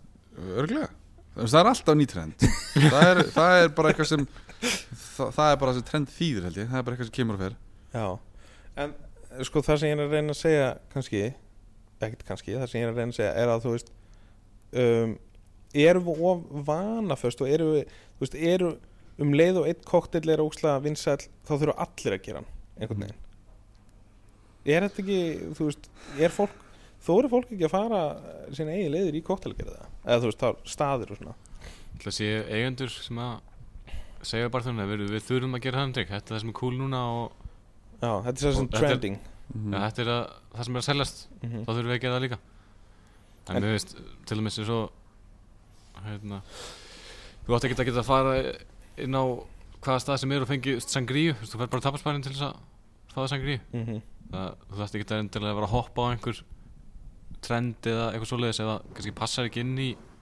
konceptið þitt emitt, emitt Svo við erum, ekki, þú veist, við erum með ákveðin stíladrykkjum sem að er alltaf að þróast Mhm. og auðvitað erum við að gera drykkina betur en en eins og koktelkönnur hafa verið rosa vinsalega núna, sérstaklega í sumar já, en það þýðir ekki að ef einhver annar er að gera þetta vel þá þurfir þú að, að reyna að hoppa vagnin líka og gera hann, en mál er það líka einmitt að, að þá gerir einhver nákvæmlega sömu könnuna í staðan fyrir kannski þá bara að gera einhverja aðra könnu, eða skiljið hvað minna Já, það er bara að gera eitthvað sem er signature þitt bara, Já, Ok, já, flott, já. þetta virkaði Já. þeim Hvað getum við gert sem að, mm -hmm. sem að er svona signature reyna að Pitcher finna stegi eða- identity sko já, liggur þetta ekki kannski alveg svolítið þar að, að þú veist að þegar þú leggur á stað með teimið þitt og ætlar að fara að gera eitthvað, eitthvað koktelprogram og þú þurfir svolítið að finna út bara, ok, hvað viljum við gera mm. þú veist, er þetta ekki, byrjar þetta ekki þar jú, ég held að sé Mm, þú veist, ég held að sé algengast á Íslandi náttúrulega á stöðum sem að servar koktelar eru þú veist, ok, þetta veit ekki stæðar er já, síðan eru við með bar jú, það þurfa náttúrulega að koma eitthvað koktela þaðan gerum bara þess að drikki mm þú veist, og það er ekkert koncept fyrir barinn sjálfan -hmm.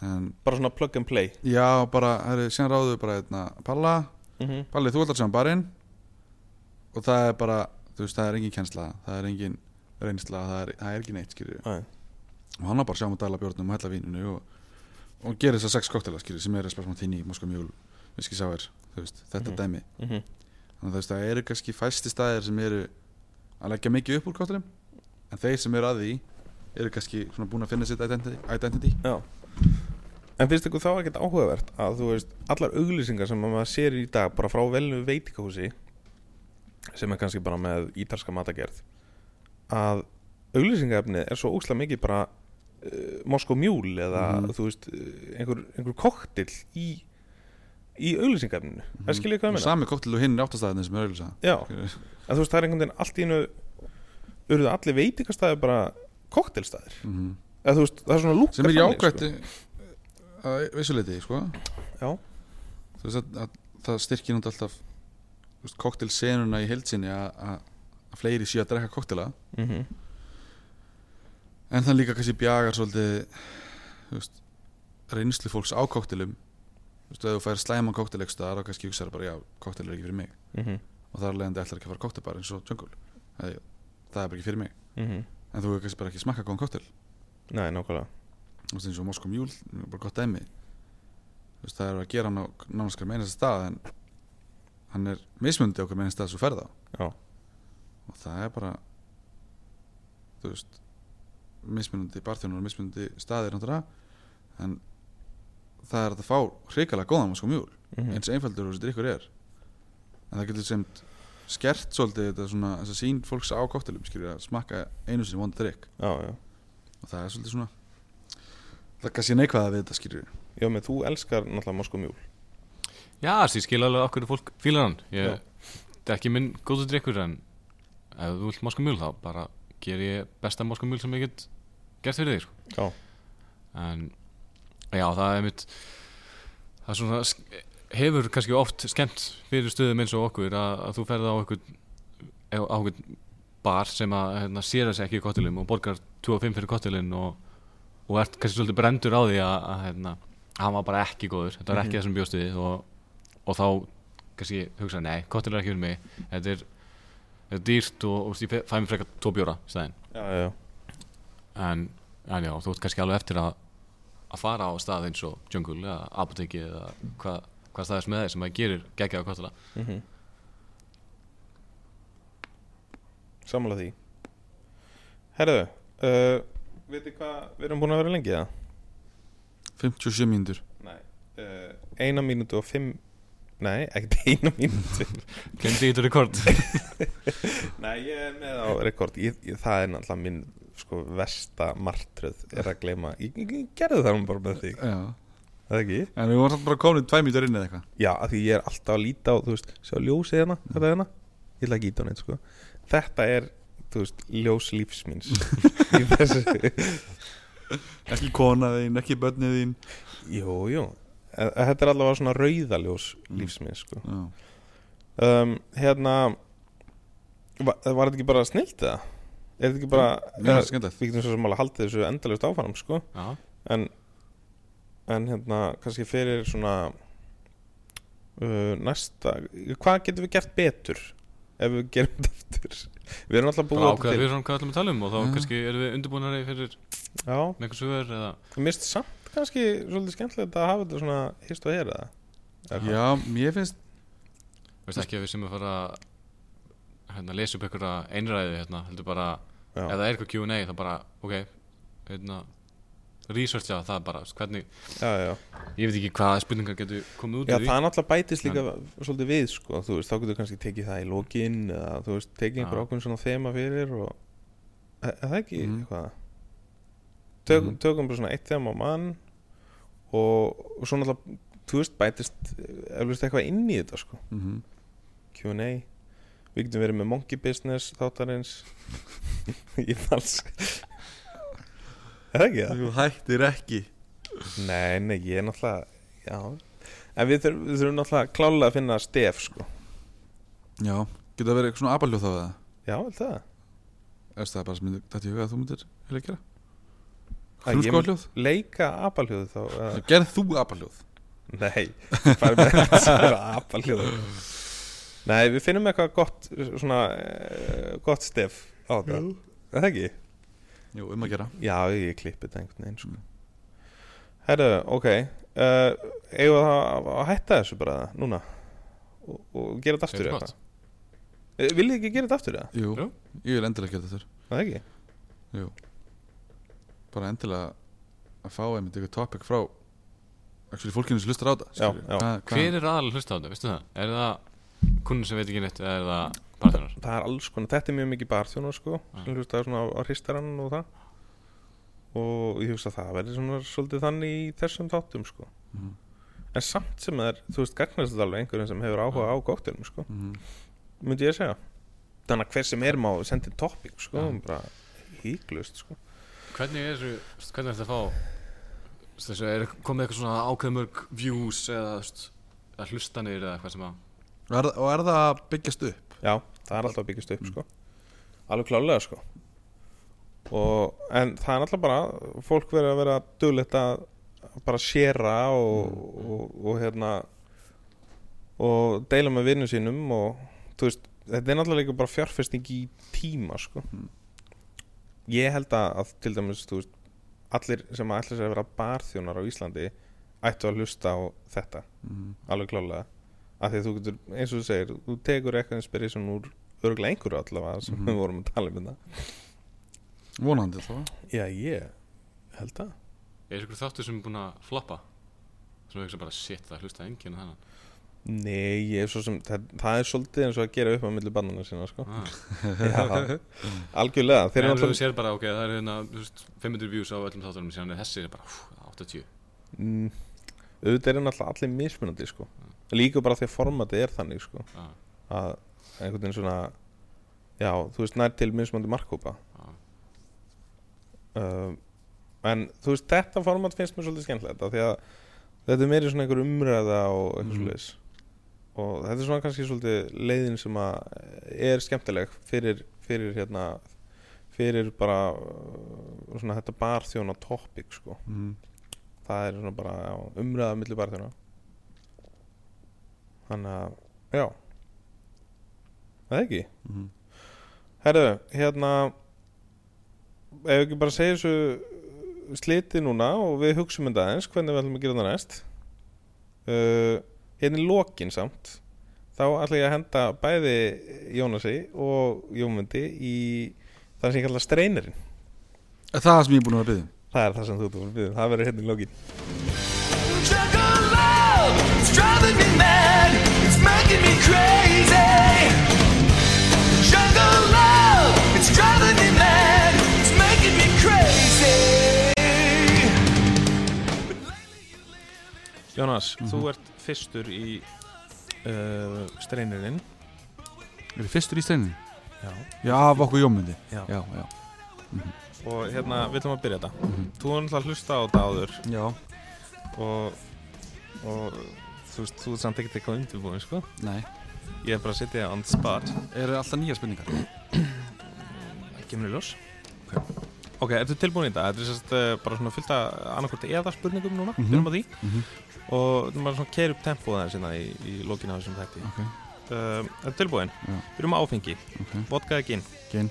Dögtrám eða konjak, dögtan tequila eða meskal meskal Vatnaði brennivín nei tequila Vatnaði brennivín brennin Bourbon eða skottsblend skotsblend Já, single malt eða ræ syngum allt Vermút eða bitter Ah, hvernig betur Þetta eru hraðarspurningar sko eh, mm, Hvítvín hvítvinn eða rauðvín röðvin Eh, Portvín eða seri sherry Ok, eh, Kava eða Prosecco Eða kampanj Kambain Já, góður Ah! Fyndin Herra, ok, tilbúin í þetta hérna Nú fyrir þetta ennþá hraðar sko. Ok. Paloma eða Pisco Sour Paloma Eh, Dækur eða Dramartini bæði Mai Tai eða Mojito Mai Tai Sex on the Beach eða Skúdraður Sex on the Beach Bloody Mary eða uh, Whisky Sour Bloody Mary um, Aperol Spritz eða Spurs Martini Dísast, þú ert svo Martini. lengi að þessu sko Moskó Mule eða Mango Tango Ma- Mango Tango Gin and Tonic eða Gimlet Gin and Tonic uh, Iris Coffee eða Kakostró Kakaostrá Já, Bomb eða Vodka Red Bull Jæbam uh, Negroni eða Old Fashion mm, Negroni Ok, Nei, jú að það Þetta er ógstlega erfið Bæði. spurning hana Þessi, Negroni eða Old Fashion Bæði Bæði, þú er náttúrulega algjörlega að cheata í þessu sko Herra, ok, það er Mystery Challenge Ok. uh, Þetta eru sem sagt fjóri ermslutar Þú búið til koktel Mm. Ok. on the spot Uh, sterkvinn sem hún fara að velja bourbon, gin, ljóstróm, sæta, hvítusikur, agave, maple syrup, síra, sítrónur, lime, júsú, krydd, kóriandir, dill eða basil Ok, á ég bara muna allir sér hafni Já, já Ok, byrjum á sterkvinni, bourbon, gin, ljóstróm Ljóstur hann, uh, hvítusikur, agave eða maple syrup hvítu sigur, sítrónur, uh, lime eða júsú uh, lime kóriandir, dill eða uh, basil kóriandir Ok, þannig að þú varst með ljóstróm mm -hmm. hvítan sigur, Mhm. uh, lime mm -hmm. og Kóriandir, kóriandir Mhm. Ok, þetta er áhugavert Já. Og hvað heitir þessi drikkur? kóriandir dakkeri Ok Sniðugur Já, það það er langbæst að hafa þetta bara simbúr Já, þetta er mjög, mjög flott hjá þér Mm. Eh, Takk. Jónas. Takk fyrir þetta Drug of love, it's driving me mad, it's making me crazy. Drug of love, it's driving me mad, it's making me crazy. Jómundur, þú ert næstur í þennan hérna, streynir hérna uh, Jónas var svolítið lengi að svara þessum spurningum sko Já, það. Já, ég þurfti að minna hann á Er, er þetta þetta þessi traðaspurningar? Já, þetta er alveg hraða spurning Já, það er enda rétt Herra, þannig að við ætlum að byrja á uh, áfengi, þetta er annarkvort eða, bara alveg svo hann fór í En, Ok. en þú náttúrulega, við sendum þig inn í herbyggi þannig að þú, Ég fengi ekki að heyra neitt. nei, Nei. Þannig að ertu tilbúinn? Já, það er tilbúin að vera held ég. Ok, vodkaði ginn Gin. uh, Nei, byrju, byrjum þetta uh, Byrjum þetta núna Ok. Herra, ok, uh, vodka eða gin Gin. uh, Dögtrám eða konjak Döfturum. Tequila eða meskal Meskal. Vatn eða brennivín Brennin. Bourbon eða scotch blended Uh, blended. uh, Single malt eða ræ Singumalt. Vermút eða bitter Vermúð. Hvítmút- Hvítvín eða rauðin Ég fíl ekki... Hvítin bara. Já, Bara því. ok Portun eða seri Seri. um, uh, Kava eða prosecco eða, eða, Prosecco. Eh, ok. Helst, helst sleppa því samt. Ok Hann hefur ekki hlusta á þetta, Jónas af því að þú gast val í kampaðin, sko Akkur er Já, það það. ekki Já. Uh, Herra, höldum áfram já, uh, ég, ég fíla það ekkert meira sko. Nei um, uh, Paloma eða Pisco Sour Paloma. uh, Dækjur eða Dramastini uh, Dagiri. Mai Tai eða Mojito uh, Mai Tai. 600 Beats eða Skrúðrafur Uh, 600 beats. Blotti Mary eða Whisky Sour Whisky sour. Apple Spritz eða Espresso Martini Espresso martini. uh, Moskó Mjúla eða Mango Tango Mango tango. Gin and Tonic eða Gimlet Uh, gin tonic. uh, Iris Coffee eða Kakó Stró Irish coffee. Jagabom eða Vodka Red Bull Uh, Jægabom. uh, Negroni eða Old Fashioned Negroni. Old fashioned á middin. Aha.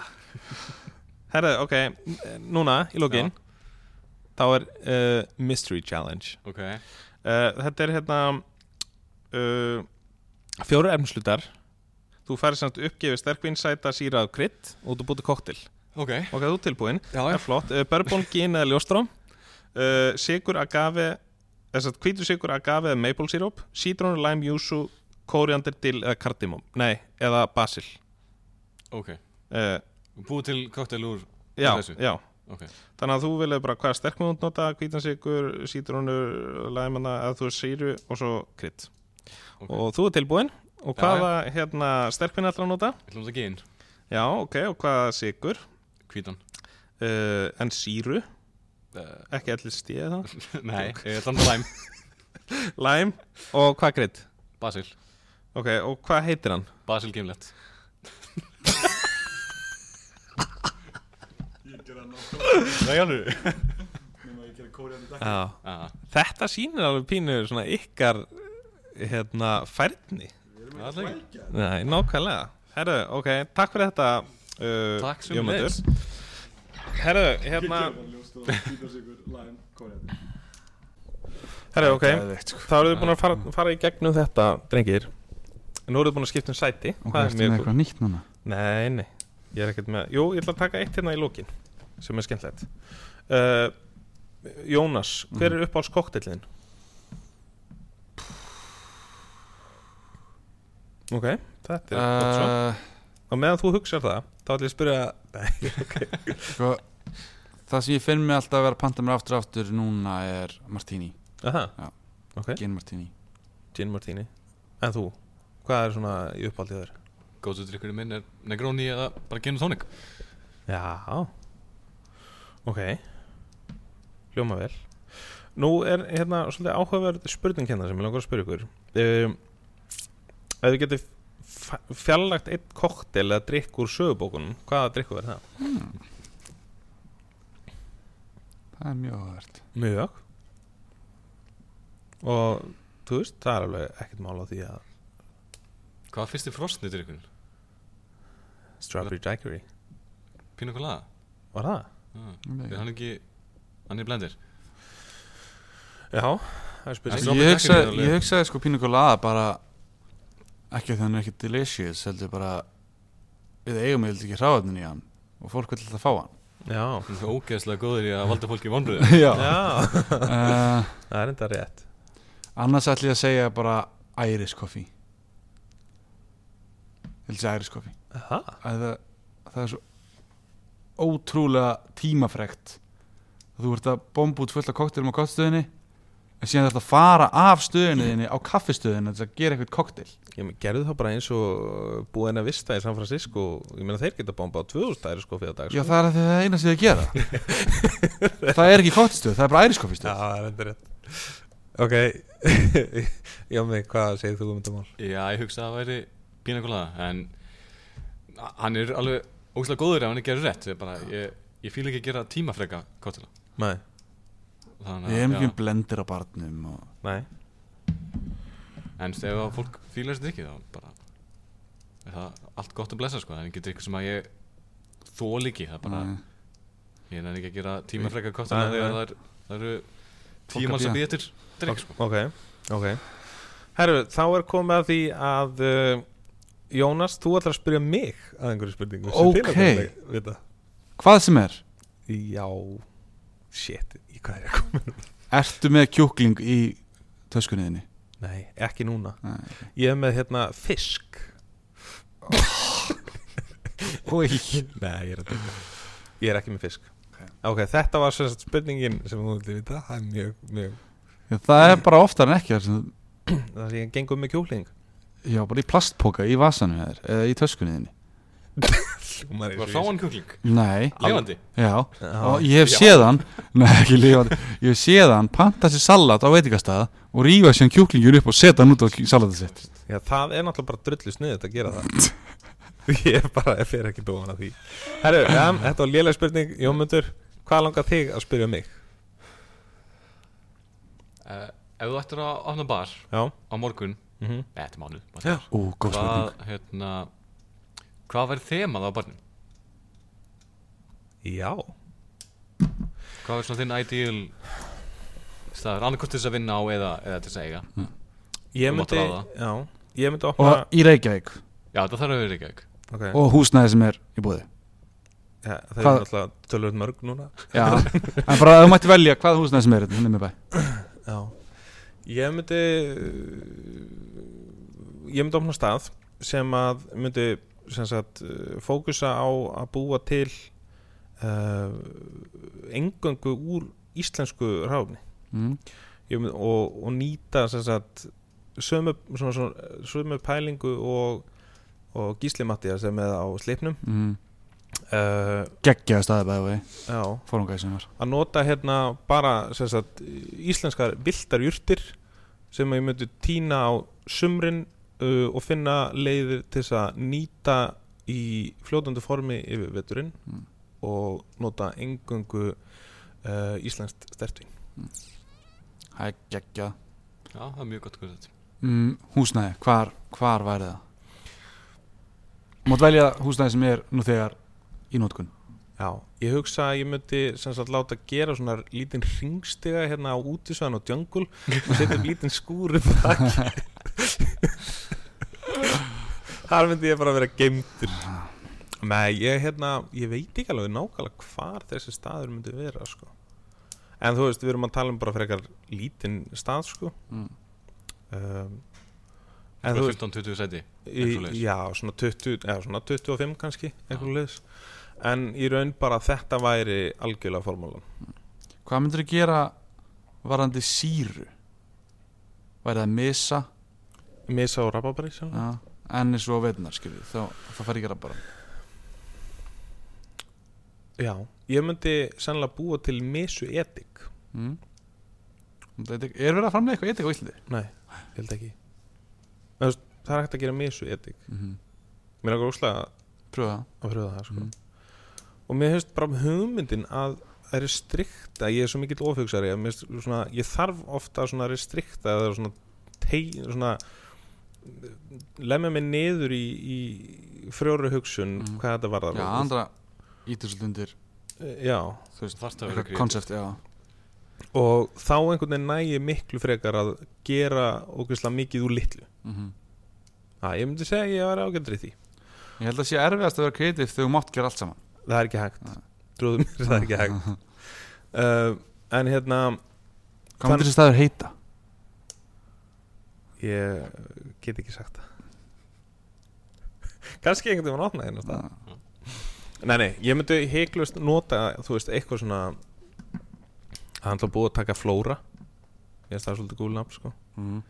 en ég veit það ekki, eitthvað svona skemmtilegt þú veist, eitthvað grastengt Hlaðkolla já, Og hann væri í hlöðu það er endur ógslag góð hugmynd sko það er Og hann myndi allir sitja á kollum þetta er snill að tala um að vera kreatív maður on the spot já, en Nú já, getur hann ekki lýsa þættinum Það er búið að taka hugmyndan hans nákvæmlega en hérna, já, svo ég svarið um spurningunum þá held ég að þetta sé kannski svona konsepti sem ég væri til í mesta að gera og já, ef einhver vill opna svona stað þá er ég alveg tilbúin til þess að bara taka þátt í Við eitthvað kemur með penningin e, já, ef einhver kemur með peningana nei, tjók en já, var, er þetta eitthvað sem að væri cool eða?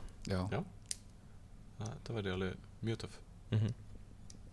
Væri Eitthvað erfitt sem að fá- enginn annar er að gera væri erfitt að fá samning Ölgerinn eða Vífell Uh, já, algjörlega En það er náttúrulega til ógeðislega mikið af uh, litlum smáframlandum á Íslandi sem að En verða þeir eru þarna. ekki með fjármagnin til þess að Græja allt Til að gefa þér peninga Já Eða lánaði peninga Nei, það er enda rétt Það sem er alltaf kannski mikilvægast í kannski ekki peningarnir sem við getum lánaði það eru Það er búnaðurinn búnaðurinn Dælutnar og kælarnir og, Já, en það má alltaf ekki gleyma því að ég náttúrulega uh, þekki mína menni í kælitækni sko. Já Það er enda alltaf hægt að komast kringum þetta Já, já, heiklust Já, þetta er svona draumastæður minn einhverju svona sem að byggir á, á Já þessu Draumastæðurinn minn er líka einmitt eitthvað svona pínlítið og kröllett Já, Ég veit ekki hvað það er maður A- af hverju að þetta staðan þetta miklu minni fjármaks öss, hérna, tekjumöguleikar ef staðan er pín lítill Já. færi gestir og, og allt það en það er bara eitthvað svo sjarmerandi við það að fara inn á eitthvað svona pín lítinn stað Já, ég veit ekki allt eitthvað svona þröngt og, og vera að nýta plássi geðvægt vel og eitthvað svona, ég Mhm. veit ekki hvað það er og einmitt að já, nýta einhvern veginn svona hlutina mér finnst það alveg svolítið skemmtilegt en, en þú, Jómundur, hvað er svona þinn draumastæður fyrir utan alltaf djöngul skilur við Já, fyrir utan jungle Það er spurning, það er margt hægt að gera Já. En Ég myndi kannski það er einhver að koma að breytir engum máli Nei. hérna En já, það þyrfti að vera eitthvað koncept sem verið gert í kringum húsnæði sem að við myndum fá já, Helst sem ég er rétt að ákveða það fyrirfram að þú ætlar að opna svona stað og, mhm, og, Og reyna að leita finna síðan að húsnæði já já, fyrir svolítið eftir konceptinu en er eitthvað svona koncept sem að þú sér fyrir þér að þú er til að gera eða f- heimsaka heimsækja, skilur við það Væri ekki ekki að, að opna alveg tíkibar já, já. Uh, Ég veit ekki alveg hvernig það myndi ganga fyrir sig nei, Eh, hérna, allar sem mismun típur og glösum og romúrval sem að er ekki búið á Íslandi og, og það er kannski svolítið erfitt í framkant mhm, en það var eitthvað sem að væri heillandi já, og svona einn af okkar uppáldstöðum hjá okkur Jóns er hérna, Baba og Ram sem er svona já, svona tiki esk mhm, stíll af var í atinu stærsta romsafni í Evrópu og, og hérna og mikið af drikkjunum þeirra eru kla- eh, byggðir á klassiskum tíkidrykkjum mhm og hérna og það er bara svona er ekki, það, hann er svona tiltölu stór með marga aðra kottelbari mikið af kottelbörum í Európa eru mjög litlir og stór bar, þetta er svolítið öfugt við það sem að er í gangi í Íslandi, Já. rosalega lí- lítill bar og erfitt að vinna honum og, og rosalega mörg sæti til þess að búið til drikkið fyrir já, já, það er mjög töff þar þannig að ofan barinn er bara risstort játbúr sem hangir bara í loftinu Mm. sem er bara stór partur af bakbarnið þeirra Já, Þess, það er engin leið að komast í þetta en þess að vera með svo stórt rámsat þá er þetta bara, þau þurfum að fæ stiga og leita í ykkur hrú af flöskum þannig að barinn er svo lítill með að við já, plássir gestina og úrvalið þeirra þannig að bakbarinn er frekar lítill já tæknilega sé með úrvalið þeirra en það hefði verið bara með hrú eða eitthvað drast sem hangir bara í einhverju lofti eða í einhverju ját búri einhverju Magnað En svona fyrir utan það, þá var ég til í að fara í bara akkurat hinn stílinn og bara svona minimalistic kattilar Já. Ekkert over the top skraut eða neitt svo leiðis mm -hmm. Bara ógeðslega falleg glöðs, einfaldir ekki Það er svona það sem mér finnst svona skemmtilegst að, að búa til En það þyrfti þá að vera rosalega lítill Það þetta geta ekki verið svona high volume bara eins og jungle er Nei Nei, nákvæmlega Já Þetta er, ég- ég held nefnilega að það væri kannski sniðut að við möttum taka tíki fyrir í næsta hætti Það er eitthvað Já. sem er mjög fólk frekja, veit ekkert nógu mikið um það held ég sko. mm. Nei. hmm. Þetta var eiginlega svona smá bónustáttur af bónustættinum, já, er það ekki? ertu ekki bara að klippa þetta allt saman saman eða? Jú, einhvern veginn Herru, nú skulum við fara að hætta þessu Búp. Bang, bang bang bang Herru, uh, er það ekki bara? ég var mjög sangur Já, ég líka Förum að borðum Takk fyrir í dag Takk fyrir spjallið takk fyrir, endilega fylgjast með Jónasi Heiðari á Instagram at Jónas Heiðar takk og bless Viltu neymdrófa einhverju fleiri eða? Skíkja jungle eða og eitthvað. Jungle Reykjavík á Instagram líka Ok. og koma og, Nei, og, Jungle.rk Bott og koma á Jungle þegar við fáum á hana og hafa rosa gaman Áður en við þurfum að lóka aftur burning bright. I fight a blood to see up to the sky. I said, I wonder, there's a message got to you.